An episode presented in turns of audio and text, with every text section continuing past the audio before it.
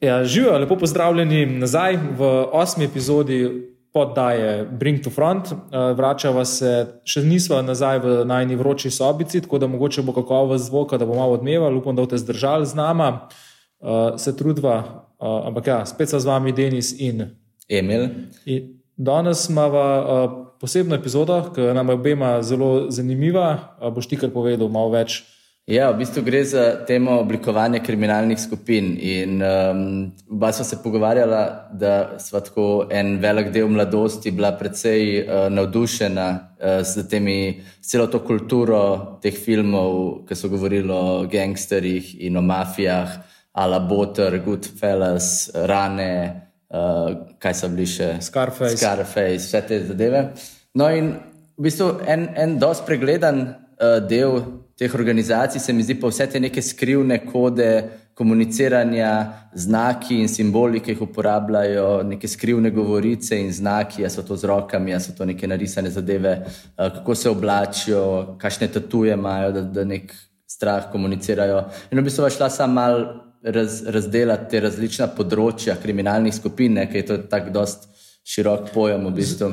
Zanimivo je, kako sofisticirani so ti znakovni sistemi. Pač, tako da obesedno cele ločene, ločeni jeziki, uh, skrivne govorice, pač, uh, ki so, so zelo, zelo močno dodelane in se lahko zelo veliko podrobnosti pač, izraža skozi, te, uh, skozi ta kodificiran jezik. Načeloma tako kot nekemu.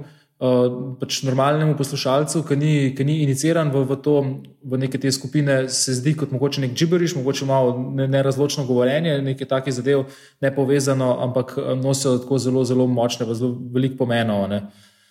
Ja, v bistvu tudi te zadeve, ful velikrat preidejo v neko popularno kulturo. Ne? Vsi ti, recimo, uh, hand signi, se pravi, te znaki, ki jih delajo z rokami so v bistvu iz teh uličnih tolp, ameriških, potem nekako pronicale v, v, se pravi, v video spote, reperjev.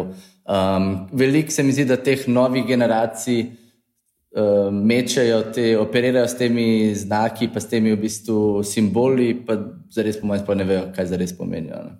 Ja, ja. Kriminalnih skupin je več, več različnih vrst, vsi imajo bolj ali manj izdelane neke pač tako, in vizualne kjuje do, do nekih drugih dizajn elementov. Kaj praviš, se jih kar vržejo not? Ja, greva. Kaj, kaj sploh je kriminalna organizacija? Ja, ti vidim, da si si pripravil neko hud, hudo definicijo, mogoče lahko ti to. Ne, ti povej, da se vprašaj. Uh, ja. Nam prebrali zdaj tle iz Wikipedije. Mene zanima, kaj ti misliš, kako ti to razumeš. Kaj kot kriminalna organizacija? Ja. ja se pravi, da je to skupek eh, večjih oseb, predvsem to, uh, ki se pač združijo z namenom izvajanja nekih nelegalnih aktivnosti, s tem pač z namenom pridobivanja uh, pač neke premoženske koristi. Kako legalistično. Hm? Ja, se je zelo, zelo podobno. V bistvu sam velikrat, največkrat delujejo na področju kaj, mamil, bančništva, izsiljevanj, korupcije, ropov, lomov, goljufi. Ja, trgovanje z belim blagom, uh, pač ja, vse. Mislim da, se, mislim, da se te organizacije, ki si rekel, da se na začetku združijo z namenom, da bodo delali kriminalna dejanja. Misliš, da je to že v osnovi namen ali je to tako velikrat lahko pride do tega, da začnejo upravljati neko dejavnost, pa potem preidejo nelegalno. Jaz, tudi, jaz mogoče mislim, če pogledaš izvore vseh teh, bolj ne vseh kriminalnih organizacij, pa naj to od mafije do čistih uličnih tolp, so se večinoma začele kot uh, potreba čist neke skupnosti. Um, Neke sosedske, ali kako koli, po, po, po, po protekšnu, po, po varovanju. Uh, ker so jih nadlegovali ali druge tolpe, ali policaji, ali kako koli, in pač, ker niso, niso zdržali več teh pritiskov, prebivalci so se združili v, v neke te tolpe ali vaške straže, da bi se pač obvarovali.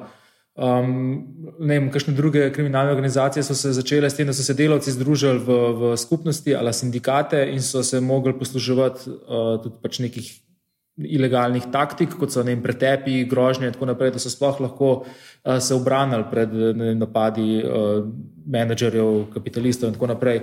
Tako da začnejo se sigurno z nekim, po mojem, no, z nekim tem. Um, Sorry, to je pa pica. Pozdravljeni.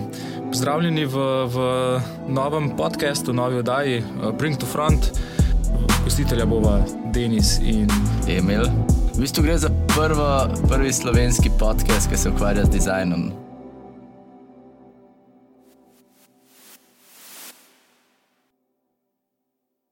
Ja, uh, krajši intermeco. Uh eh, -huh.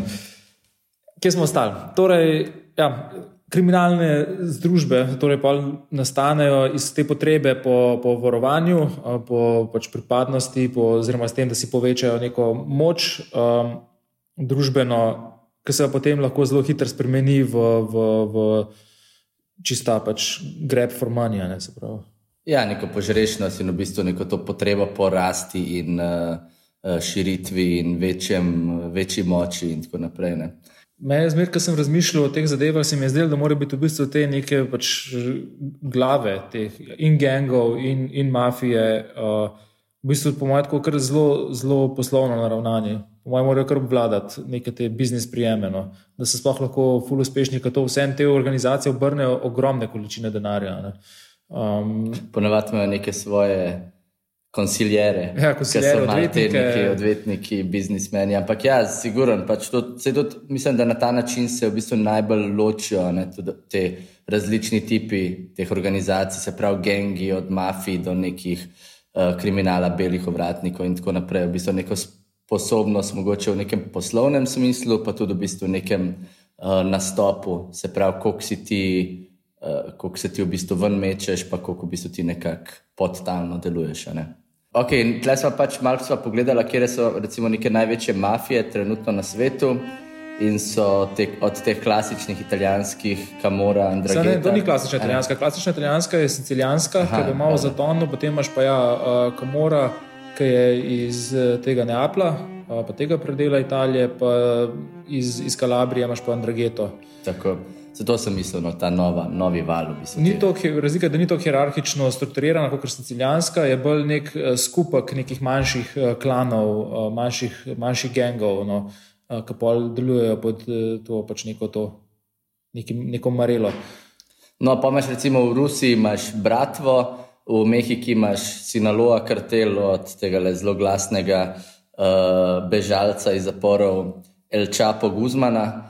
Uh, in na japonskem imaš Jakuzo, ki pa tudi najbrž vsak je pogledal en film o ameriških uh, nekem kriminalu, so vedno se noter znajdali te Azici. Ali Jakuza ali pa Triade iz Kitajske. Ampak to so organizacije, ki obrnejo tako milijarde na leto. Pač to je tako precej uh, nevrjetno. Ja, in v bistvu, kar je zanimivo pri tem, ko smo malo analizirali te mafije in način oblačenja in kako v bistvu je, kako uporabljajo branding in dizajn. Ne, je, da deluje bolj kot nek set pravil, uh, obnašanj, idej, se pravi, kot kar neka veš, uh, podjetje, ki ima nek set vrednot. Kdo smo? Kdo smo, naša vizija, naše poslanstvo je to. Ne? In da v bistvu temelji na tej neki tradiciji, vključevanju nekih teh mogoče celo družinskih uh, vrednotah.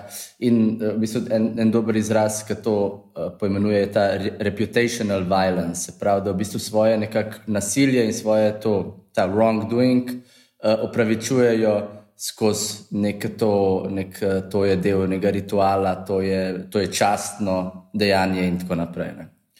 Ja, predvsem so vsi tako, pa, če dajo veliko na, na, na svojo besedo, pa na, na, na svoj ugled, zato ker se ukvarjajo z takim, z takim poslom, kjer ne moreš ti sklepati nekih pogodb, nek, nimaš neke inštance, na katero se lahko obrneš, da rešiš nek, nek spor. Ne. Um, tako da, ja, pač veliko, veliko velik je, je za fulje pomemben ta obraz. Za razliko recimo od gengov, ne, oziroma tolp, kot je slovenski.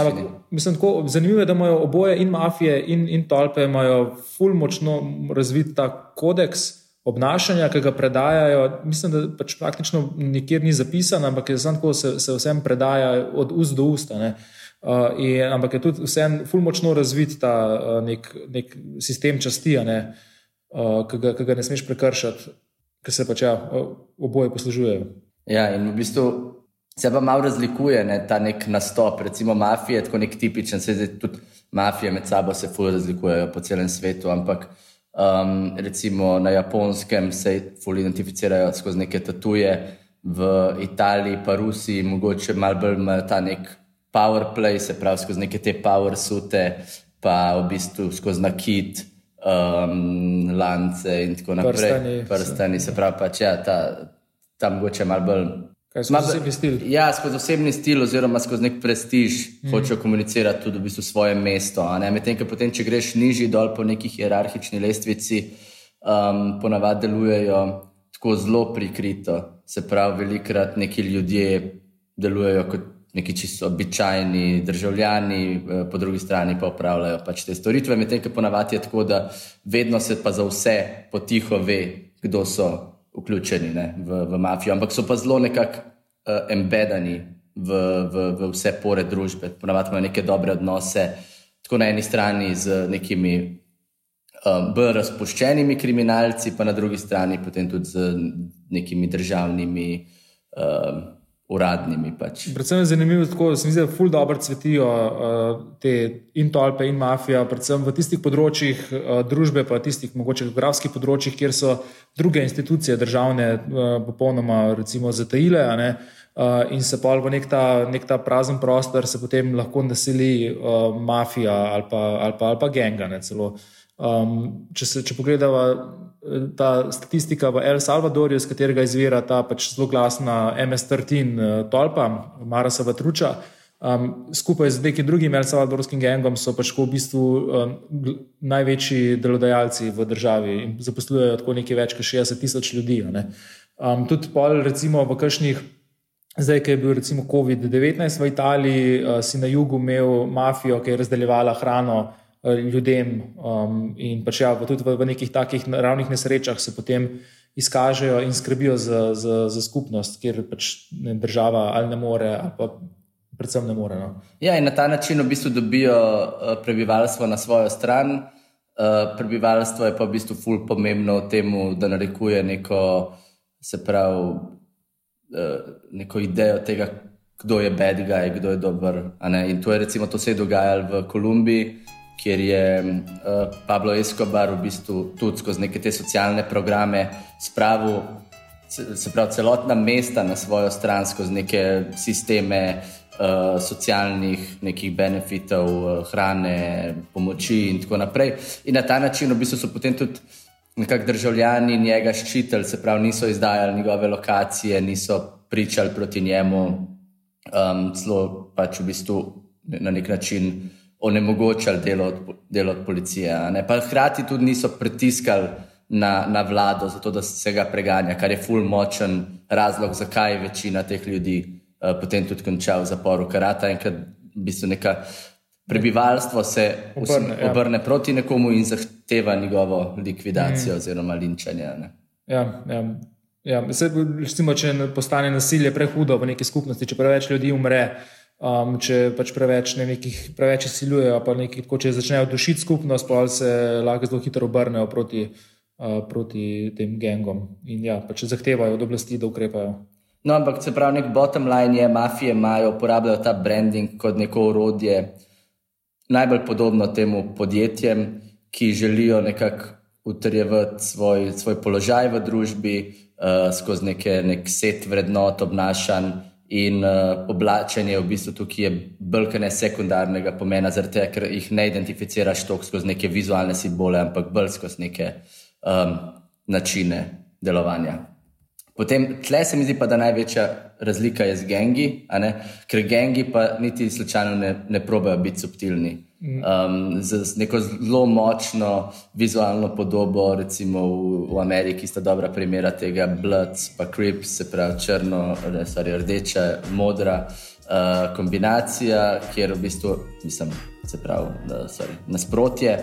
Um, kjer jih v bistvu takoj prepoznaš po načinu oblačenja, po rutah, ki jih imajo, po tatujih. Veliko velik teh barv, barve nosijo, no, tako, lahko bi rekel, celo skoraj izključno. Se pravi, če si če si blad, načeloma ne boš nosil modre barve. Tudi uh, se izogibajo uh, besedam, ki se začnejo s črko C, pa take zadeve. No, uh, je kar, kar hecen. Ani je zanimivo, da, da so prevzeli. Modro, pa rdečo, kar je tudi pač nekako prikazujejo ta konflikt med republikanci in demokrati. je dobro. V Ameriki, ker radi ta modro, pa rdečo za prikazovanje konfliktov. Mm. Jaz se mislim, da cel svet nekako, mislim, da je tako najbolj take. Čeprav bi lahko rekel, da so recimo ne, črna pa bela, v bistvu ful bolj kontrastne barve, ampak ne vem, ljudje se ful raj identificirajo skozi te rdeče pa modre. Kamorkoli pogledaš, od Rusije do Kitajske, do Amerike, pa čez celo Evropo, ko v bistvu, to smo zadnjič že gledali, te politične stranke, skozi ta rdeče, modra, nekako mm. nekak se tepene.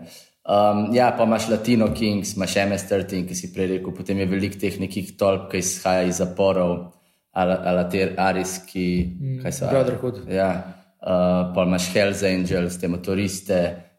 Pa je pa še v bistvu ful nekih lokalnih, recimo, odkrila sva eno, dost nor gang, The Numbers Gang. Iz, iz Južne, Južne Afriške republike. Ja. Um, pa najbrž skoraj vsaka država ima neki gang, zdaj ne vem, a Slovenija ima. Ne vem, pri nas mislim, da se v našem delu Evrope, Zahodni Balkan, da se te gangi skrivajo pod, pod navijaškimi skupinami. No, vsaj v Srbiji je tako, verjetno tudi v, na Hrvaškem, kjer se pač pod pretvezo Verjetno, ker imajo te navijaške skupine že, že urejeno neko infrastrukturo, se lažje organizirajo in vem, da je v Beogradu uh, gre precej trgovine z drogo preko uh, navijaških skupin. Mm. A guapo gang šteje v Sloveniji? ja, kot sem rekla, ima zelo močno razvito uh, zvočno podobo. Ne? No, to je nekaj. Uh, ja, ne vem, kaj me zanima, mogoče. Pr, ja, tako so se na hitro identificirali skozi neke tatuje, skozi barve. Uh, zanimivo je, recimo, ko so govorili o Numbers Gang ne, v Južnoafriški republiki. Um, pač tako precej bizaren gang, eh, sicer operiran največ v zaporu, ampak oni imajo recimo eno osebo, ki je zadolžena, da nosi zapis pravil ganga. Ne? In to je pač oseba, ki je popolnoma potetovirana. In vsako novo pravilo, ki ga sprejemajo, pa nek dogodek, ki mora biti obeležen, pomemben, ga, ga otetovirajo v to osebo, ne? kot neka knjižnica na dveh nogah. Um, zgleda, kašni tudi kot kar un iz Prison Breaka, veš, ki je bil celo dan. Ja, ja, fakt.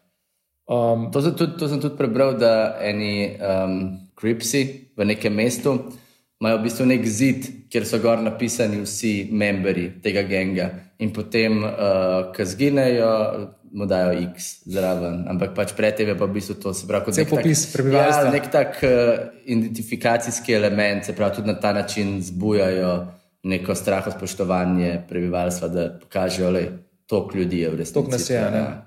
Ampak meni se zdi, no, da se vrnem nazaj, nisem prepričan, ampak meni se zdi, da izhajajo v bistvu ta konstitucija genga, ki jo poznamo danes iz zaporov. In da v bistvu tam so se razvili gengi na tak način, kot so zdaj, in tudi te neki disputi, večinoma izhajajo iz zaporov in so potem nekako replicirani na. Ja, predvsem, ker je bil tako močen crackdown, da so, da so jih spravili pač tako vodilne osebe v zapor. Vsem pa pač ni tako tajt to varovanje in je dokaj porozno, da lahko vse navodila prihajajo ven. In ja, pač, ker te gengi tudi podpirajo veliko zapornikov, se pravi finančno, tudi v Ameriki so zapori, pa ipak privatni, moš vse plačati. Tako da ja, veliko, veliko denarja gre gor po verigi, hierarhični verigi. No, in oni imajo v bistvu te fulje, ja, to, kar si rekel, pač ful so izrazni, te tatuji, v bistvu in tudi ta nek stil grafitov, ki se potem razvija iz tam, se pravi. Um, prav, kot neko tako svojo, svoj stil grafitov so razvili, kjer v bistvu potem zapisujejo, kot smo rekli, od nekih pravil do tega, da označijo svoj teritorij, do tega, da v bistvu nekako komunicirajo med sabo, da napovejo, koga mislijo ubiti, koga bodo napadali, kaj se bo zgodilo. Tako v bistvu kar nek tak njihov uh, bulletin board. Rata, kar en forum, v bistvu mhm. zidi, in to, da v bistvu ti nekomu, ne vem, neki zbrišeš nek uh, grafit, uh, v bistvu lokalne skupnosti se tega sploh ne upajo, ne, tega, ker se bojijo, Eh, kaj bi se zgodilo. Povračilnih ukrepov. Ja. Uh, sem, ne vem, za nek gang sem prebral, da se počasi tudi te tatuji, da se umikajo, ker je zelo velik ta pač, znak, ki ga lahko oblasti zelo hitro preberejo in te lahko hitro pač, uh, tudi zaprejo. Če, te, če, te, če vejo, da, da pripadaš gangu, te, te pač veliko lažje ujamejo. Tako da Podobno kot se je zgodilo. Sploh, z... sploh če si nek MS-13 model, pa imaš celo glavo, pa ti to verjano pa ja, zelo, ja, ja. zelo težko si full subtilen. Mislim, da je ja, točno to. Uh, lih oni, ja, so se, te, oni so bili full znani po face tatujih in uh, zdaj pač ja, se vedno manj tega poslužujejo, ravno zaradi tega, uh, ker izstopajo iz množice. No. Ja, recimo Jakuza so full zanimivi. Oni so imeli cela telesa potetovirana, ampak vedno samo do zapesti, pa do vratu. Se pravi, ko so oni dal gor obleko sodelovali v bistvu taki totalni biznismeni, uh, full classy, potem pa, ki so pa v bistvu, ki so pa hoteli pokazati, ki so bili med sabo, so pa imeli te take full, v bistvu, full izdelane, barvne, uh, poetične tatuje, skoraj na nek način. Oni so v bistvu cele svoje življenjske zgodbe uh, in neke svoje. Bolj, ne, v bistvu gre za en tatu, ne pač tako hrbet je tako eno platno, ki gre en tatu gor.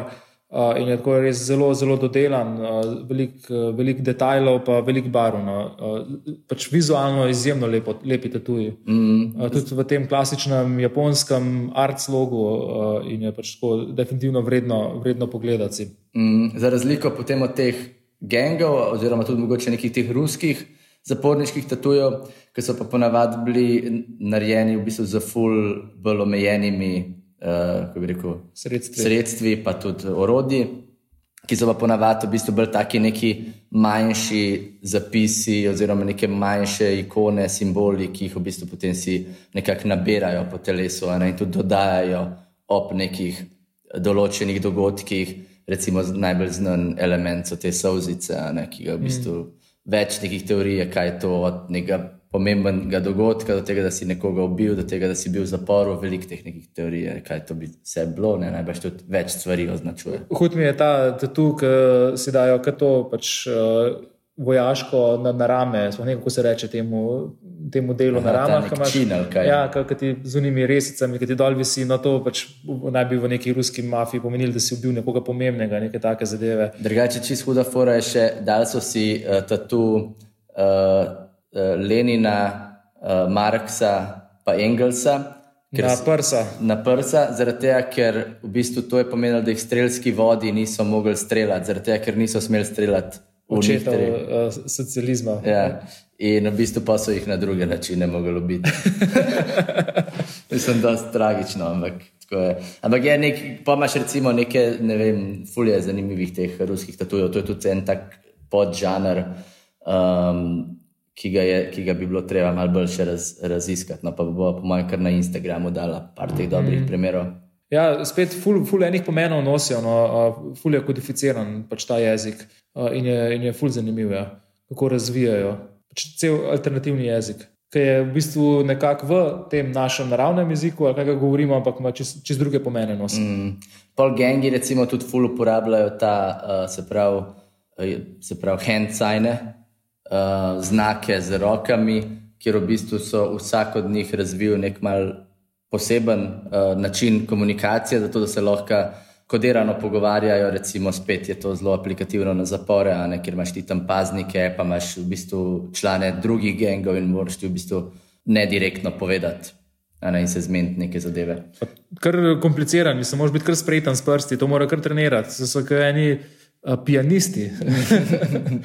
Ja, no in v glavnem, spet pri gengih, neka ključna zadeva je, da ta branding deluje kot označevalec teritorija in da v bistvu uh, zelo vizualno nastopa in, in prav, mi smo tukaj um, in na ta način zbuja neko straho spoštovanje, um, zagotavlja potem tudi nek. Nek mer na tem območju, kadar v bistvu, če ne pride do nekih konfliktov, in nasplošno nekako utrjuje svojo neko dominanco um, na nekem določenem območju. Ne? Uh, ampak ključno je to, da v bistvu je, je zelo vizualno, zelo izražen. Se pravi, od ljudi, ki jih nosijo, do grafitov, do zastav in, in teh rud. Um, Ker prideš na, v neko območje, kjer deluje določen geng, Veš, je zelo hiter, ja. jasen, da si tam. Ja. Kar, kar mislim, malo, malo žalostno, da imaš kakšne ljudi, ki živijo naprimer, v Los Angelesu, pa niso bili nikoli na plaži, pa niso niti morja videli, ker so obkroženi z območji pač rivalskih tolp. Malo je bed. Ja, zelo je. Ja. In v bistvu te, te območja, ne, mislim, jaz, sem tako, jaz sem bil prepričan, da je to bila neka zadeva, ki je tako bolj v 90-ih, predvsem, ker smo imeli ta fulmočen influence tudi teh. Uh, East Side, West Side, teh reperjev, ki so potem eksportali to njihovo kulturo. Um, zdaj pa mogoče vsaj do nas ne pride več tok o tem, da v bistvu, kako so gengi še zmeraj močni in nekako usidrani v, v teh skupnostih. Ok, pa je pa ena, pa je pa ena v bistvu, uh, eno področje, ki mogoče ne spada tako direktno noter pod uh, te kriminalne organizacije, ampak se mi vse zdel ful pomemben, da mogoče malo o njih poveva, zaradi tega, ker imajo nek mal drugač izražen ta stil. In to so te paramilitantne teroristične organizacije. Ponavadi bi jih, po mojem, klasificirali kot teroristične organizacije. To je novi klasifikaciji. Ja. Včasih so pa bolj ja, para, paravojaške. Tako, ampak vsem delujejo kot neka organizirana kriminalna združba, ampak v bistvu z ful, ful drugačnim uh, stilom. Pa mislim, da so to pač v določenih primerjih tolerirano strani uradne države. Ne? Predvsem, v, predvsem na področjih, kjer uradna država uh, nima neke fulmočne močne vloge, ali pa recimo se dogajajo neki, um, neke državne vojne, um, ali pa neke bitke za oblast, kot je recimo vem, Kolumbija, kot je bila Jugoslavija v 90-ih, kot je um, Izrael in uh, Palestina. Palestina. Eh, področje tega le bližnjega vzhoda z uh, Al-Kaido, z ISIS-om in tako naprej. Ne, in kaj je tukaj v bistvu? Oni delujejo na nek način, recimo, dobro primer tega je ISIS.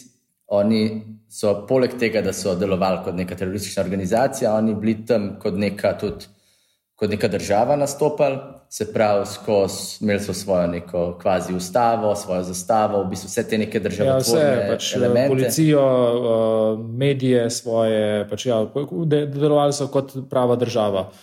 Eh, sodišča, pač vse. Ja, in v bistvu po eni strani so tudi, uh, ker so zasedali ta najdišča nafte, uh, tudi ekonomsko so bili zelo močni, in se mi zdi, da vse te paramilitantne oziroma teroristične organizacije uh, so ali financirane strani nekih posameznikov, recimo v primeru, uh, v primeru zdaj Venezuele, z opozicijo, ki hoče prijeti na oblast, v primeru ISIS-a pa v bistvu z, z tem, da so ropali.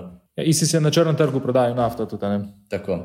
No, in njihov, v bistvu, njihov branding je pa veliko bolj v bistvu, podoben nekim državotvornim elementom in da deluje kot neka uniforma, kot zastava. V bistvu ti, ki vidiš neko to organizacijo, kot so recimo Arkanovi Tigri, um, je, je skoraj težko ločiti od uradne vojske ali pa neke uradne organizacije od države, ki deluje na tem področju.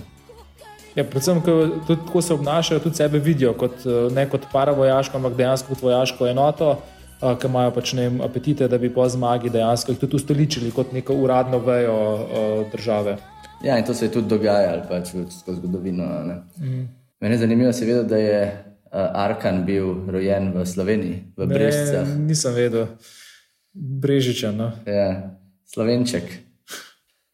Zadnji smo govorili tudi o uh, grbu Brežice, ne? tako da Brežice so očitno kar stalnica. Stalnica, so tle na tapeti pri nas.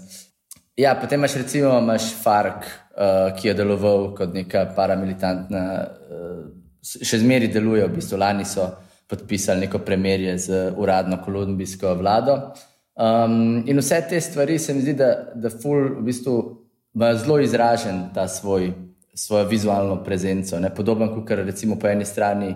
Uh, kot gengi, se pravi, skozi neke uniforme, skozi te čine, kot si rekel, prek si oni utitovirajo, oni jih imajo res gor, ponavadi imajo te modeli tako po nekih 200 različnih činov, veš, te afriški. Ja, medalje, ja. vse možne.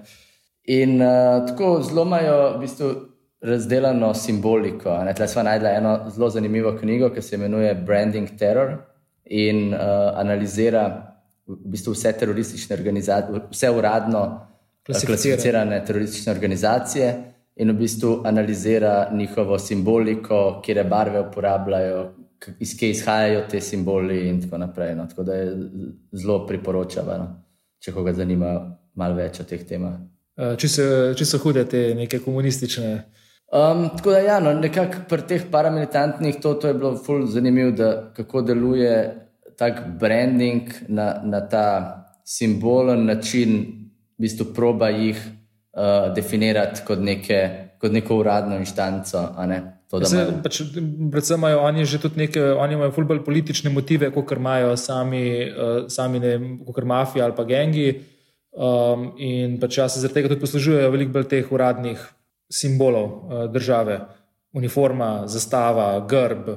Um, tudi recimo svoje zasedanja poimenujejo kot neke državotvorne zadeve, ne vem, plenumi in tako naprej. Mm. Um, Medtem, ko pač ja, um, gengi, pa mafija, pa pač recimo tega ne uporabljajo.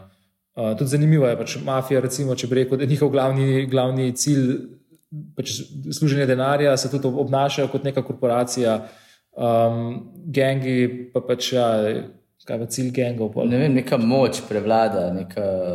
Ja. Pripadnost, mogoče neka ta. Um, Ne, meni se gengi se mi zdijo tako ful velikrat tako zelo brezciljno naravnani. Tako da več sploh nimajo nekih, um, nekih močnih ambicij, ki bi bile večje od tega, teh nekih instantnih rewardov v smislu, treba se je maščevati ali pa treba je. Neki... Mogoče gre bolj samo za neko to pripadnost uh, neki, neki skupnosti, nečemu, kar pač nastajajo na, na, na območjih, kjer to, tega ni, uh, kjer pač ni, ni neke te tradicije, kjer je pač vse opustošeno, tudi zaradi pomankanja nekih teh javnih programov in vsega tega, in pa pač kot neko znikne, kot neka potreba uh, ljudi, da, da, da pač pripadajo neki družbi. Tako je, za razliko od teh paramilitantnih, kjer je pa v bistvu glaven, uh, glaven cilj moč in neka politična, ja. politična moč. Ja. Mm. Ok, pa imamo pa še četrti, ki so pa najbolj v bistvu skriti, čeprav se tega največ dogaja. In to so pa kriminal belih uvratnikov, ne? ki pa ponavadi v bistvu deluje uh, na področju neke korupcije, nekih uh, prirejanj, nekih državnih, recimo, uh, koncesij. Um, Nasplošno, v bistvu, se pravi, to so neke podjetja, ki so povezana velikrat z državo ali pa z nekimi velikimi organizacijami in to izkoriščajo uh, skozi neke kriminalne posle, ki pa zelo velike dostanejo. Jaz bi rekel, da so oni tudi tako klanovsko organizirani, pač tako družinsko klanovsko. Um, kot si rekel, pač ja, skozi neke koncesije z državo, neke državne pogodbe, um, pa pač ne, neke ja, take zadeve. Uh, in so, po mojem, da manjše organizacije, um, pa ful, ful klanovsko naravnane. Hkrati pa, mislim, po nekih izračunih, recimo uh, Huffington Posta, so objavili, to baj da bo zadnjico nam rekli, ki smo ful nekih teh števil govorili, da moramo vere zdaj govoriti. Aha, okay. Tako da evo vam bova nalepla te vere. Uh, citiram Huffington Post, kriminal belih ovratnikov, američane, se pravi iz ameriške blagajne, naj bi letno zginili 360 milijard, vsako leto. Se pravi, to je denar, ki je ne, ukraden strani pač teh uh, belih ovratnikov, se pravi skozi neke raz, razno razne davčne vtaje, skozi neke odvode denarja v davčne oaze. Um, se pravi, 360 milijonov, to govorimo ja, tako ja. o skoraj trokratniku, uh, koliko je vreden Jeff, Jeff Bezos, najbogatejši človek na svetu, kjer že njegovo bogatstvo je tako nepredstavljivo. Um, se pravi, govorimo o denarju, ki bi drugače odtekel v neke socialne programe, uh, v gradnjo šol, v gradnjo cest, v gradnjo pač celotne državne infrastrukture. Um, in tukaj mislim, da je to račune nekih posameznikov. Veliko več kot sama polovica ameriškega vojaškega proračuna. Mislim, da je ameriški vojaški proračun okrog 500 milijard, um, tako da to je skoraj v, v, v tem rangu se, se, se to giblje. Ogromno, ogromno denarja. Uh, tudi če bi vem, za, za ta denar bi lahko plačali, tudi bi bil lahko koledž za stona. Ne? Ja, za vse v Ameriki. Ja. No, in, ampak okay, to ni problem niti samo Amerike, te, ta problem je ogromen tudi v Sloveniji. Uh, zdaj smo imeli par nekih teh incidentov, ki se uh, razpletajo, uh, pa se ne bi v to mogoče preveč spuščali, ampak recimo te razkritja Panama Papers so pokazala, da v bistvu vsi so upleteni v to, od se pravi Putinovih svetovalcev do fotra, od David Camerona, takratnega uh, premijeja. Do nogometašov, Messi in tako naprej. Do, do v bistvu najvišjih inštanc. Potem. Tako da um, gre za to, da velikrat kako to delajo, to se pravi, ustanovijo neka podjetja. Um, in njihov branding deluje zelo subtilno, se pravi, kar nekako se zgubijo v neki poplavi teh firm, njihovi logoti so ponavadi tako zelo neizraziti, uh, skoraj ponavadi kar generični. Uh, in v bistvu deluje njihov branding kot neka kamuflaža, se pravi, deluje firma kot neko slamnato podjetje, um, zato da v bistvu nikoli noben ne posum, um, da gre za neke kriminalne aktivnosti. In v bistvu ponavadi so pa to zelo se pravi, če, če bi rekli na nekem intelektualnem nivoju poznavanja samega sistema, uh, zelo dodelane tvorbe, ki v bistvu potem čez neke proksije, pa čez neke v bistvu tretje osebe vedno to nekako uh, kanalizirajo, se pravi, da niso ljudje ponavadi te direktno izpostavljeni in zaradi tega jim je tudi te, ta kriminal v bistvu na koncu najtežje dokazati. Ne? Tako je. Tako da, evo ga, prišla smo do konca, zdaj mislim, glaven cilj tukaj je bil ni to mogoče, da gremo analizirati njihove logote, kot po mojem, malo analizirati to, da, da branding ki tak ni samo to, kar vidiš, ne, ampak je v bistvu nek način, um, način delovanja in v bistvu kakšen občutek ti vzbudiš ljudem, ki te, ki te gledajo. In v bistvu te vse tvorbe so zelo opazovane, ne zaradi tega, ker pač so to neke kriminalne zadeve in na, kakšen način v bistvu potem nekako ali probajo zadržati pozornost, oziroma uh, se jih izogniti. Ja. Močni brendi, predvsem te, ne več ne, Grips, Bloods, MS-13, Gang, Jakuza. Uh, Hecanje, da se, da se pač, ja, recimo pri mafiji, da se točno ve, da so pripadniki, ampak se pa vseeno hoče nekako blendinati uh, člani, da ne bi preveč izstopali na tak način, da bi pritegnili preveč pozornosti. Mm. Hkrati se mi pa zdi, da te, se pravi, mafije, ki so dosti inteligentne, um, začne, začenjajo v bistvu opuščati to neko simboliko, pa ta nek full vizualen nastop in v bistvu probajo bolj delovati kot te uh, beli ovratniki, se pravi, bolj se probajo nekako zblendati v družbo in v bistvu skozi neke legalne, take semi-legalne, oziroma take neke sive, um, sive posle. Eh, v bistvu nekako si še povišati neko svojo moč oziroma kapital, mm. zaradi tega, ker so videli, da na ta način lahko ful več zaslužiš, kot z izsiljevanjem.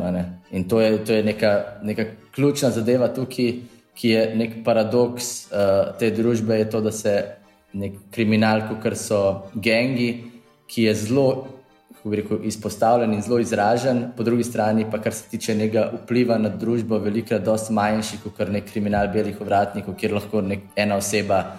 Um, rekel, ja, oškoduje celotno državo. Kot je bila tista največja poncijeva schema, kaj je bilo kaj za 50 milijard uh, modelov Evropo ljudi, kar je bolano veliko denarja. Pa res, da je pač ta kriminal uh, genga, uličnih tolp, pa fulbol brutalen, fulbol krvav, fulbol uh, šokanten tako na prvo žogo, ki šokira. Ja, ker je to tudi njihov cilj, da se o tem pač več govori. Tudi, se pravi, neke, neke mafije še zmeraj delujejo na ta princip, se pravi, recimo mehiške mafije, kjer v bistvu moraš ti neko svojo, neko svojo dominanco kazati na ta način, se pravi, z nekimi množičnimi poboji in tako naprej. Um, je zelo, zelo krvavno. Um, ampak na drugi strani pa to, da se mafije v bistvu pretvarjajo v biznismene, um, pa ni več boljša, ne, ker nas pa oškodujejo na drug način. Tako da, ja, ampak evo, tle se pa, tle se pa najno uh, razumevanje, pa poznavanje mafije tudi malo zaključuje. Um, in se javimo naslednji teden, oziroma čez dva tedna. Zdaj bomo tudi nova novica, je, da bomo na televiziji mm -hmm. ne, v tem tednu, liko bo po mojem tale podcast v letu. Tako da, evo, bring to front, raste, bring to front še malo pa bo se spremenil v eno mafijo. Mislim, da je Bring to Front bolj mafija, bolj gang ali uh, tale beli vratniki. Ali pa kar ena paramilitantka. Bring to Front paramili, paramilicija. Ja, ja.